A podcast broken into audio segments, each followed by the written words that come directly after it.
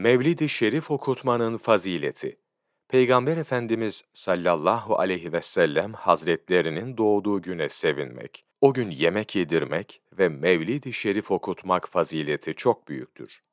Hazreti Ebu Bekir es-Sıddık radıyallahu an hazretleri buyurdu ki, kim Peygamber Efendimiz hazretlerinin sallallahu aleyhi ve sellem mevlidinin okunması için bir dirhem harcama yaparsa, o kişi cennette benim refikim ve arkadaşımdır.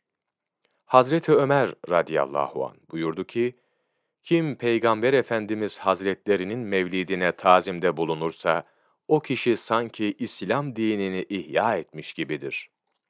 Hazreti Osman radıyallahu an buyurdu ki, kim Peygamber Efendimiz Hazretlerinin sallallahu aleyhi ve sellem mevlidinin okunması üzerine bir dirhem infak ederse, o kişi sanki Bedir ve Huneyn savaşlarına katılmış gibidir.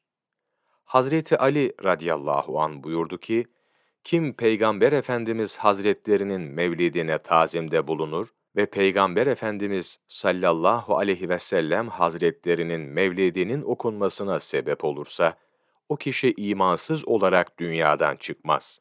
Mutlaka iman ile vefat eder ve hesapsız olarak, hesap ve sual görmeden cennete girer. Hasan Basri Kuddise Sirruhu Hazretleri buyurdu ki, İsterdim ki Uhud dağı kadar altınım olsun. O altınların hepsini Peygamber Efendimiz sallallahu aleyhi ve sellem Hazretlerinin mevlidinin okunması üzere infak edeyim. Şihabüddin Ahmet bin Yusuf el-Heytemi, Nimetül Kübrab, sayfa 6, 6 Ekim Mevlana takvimi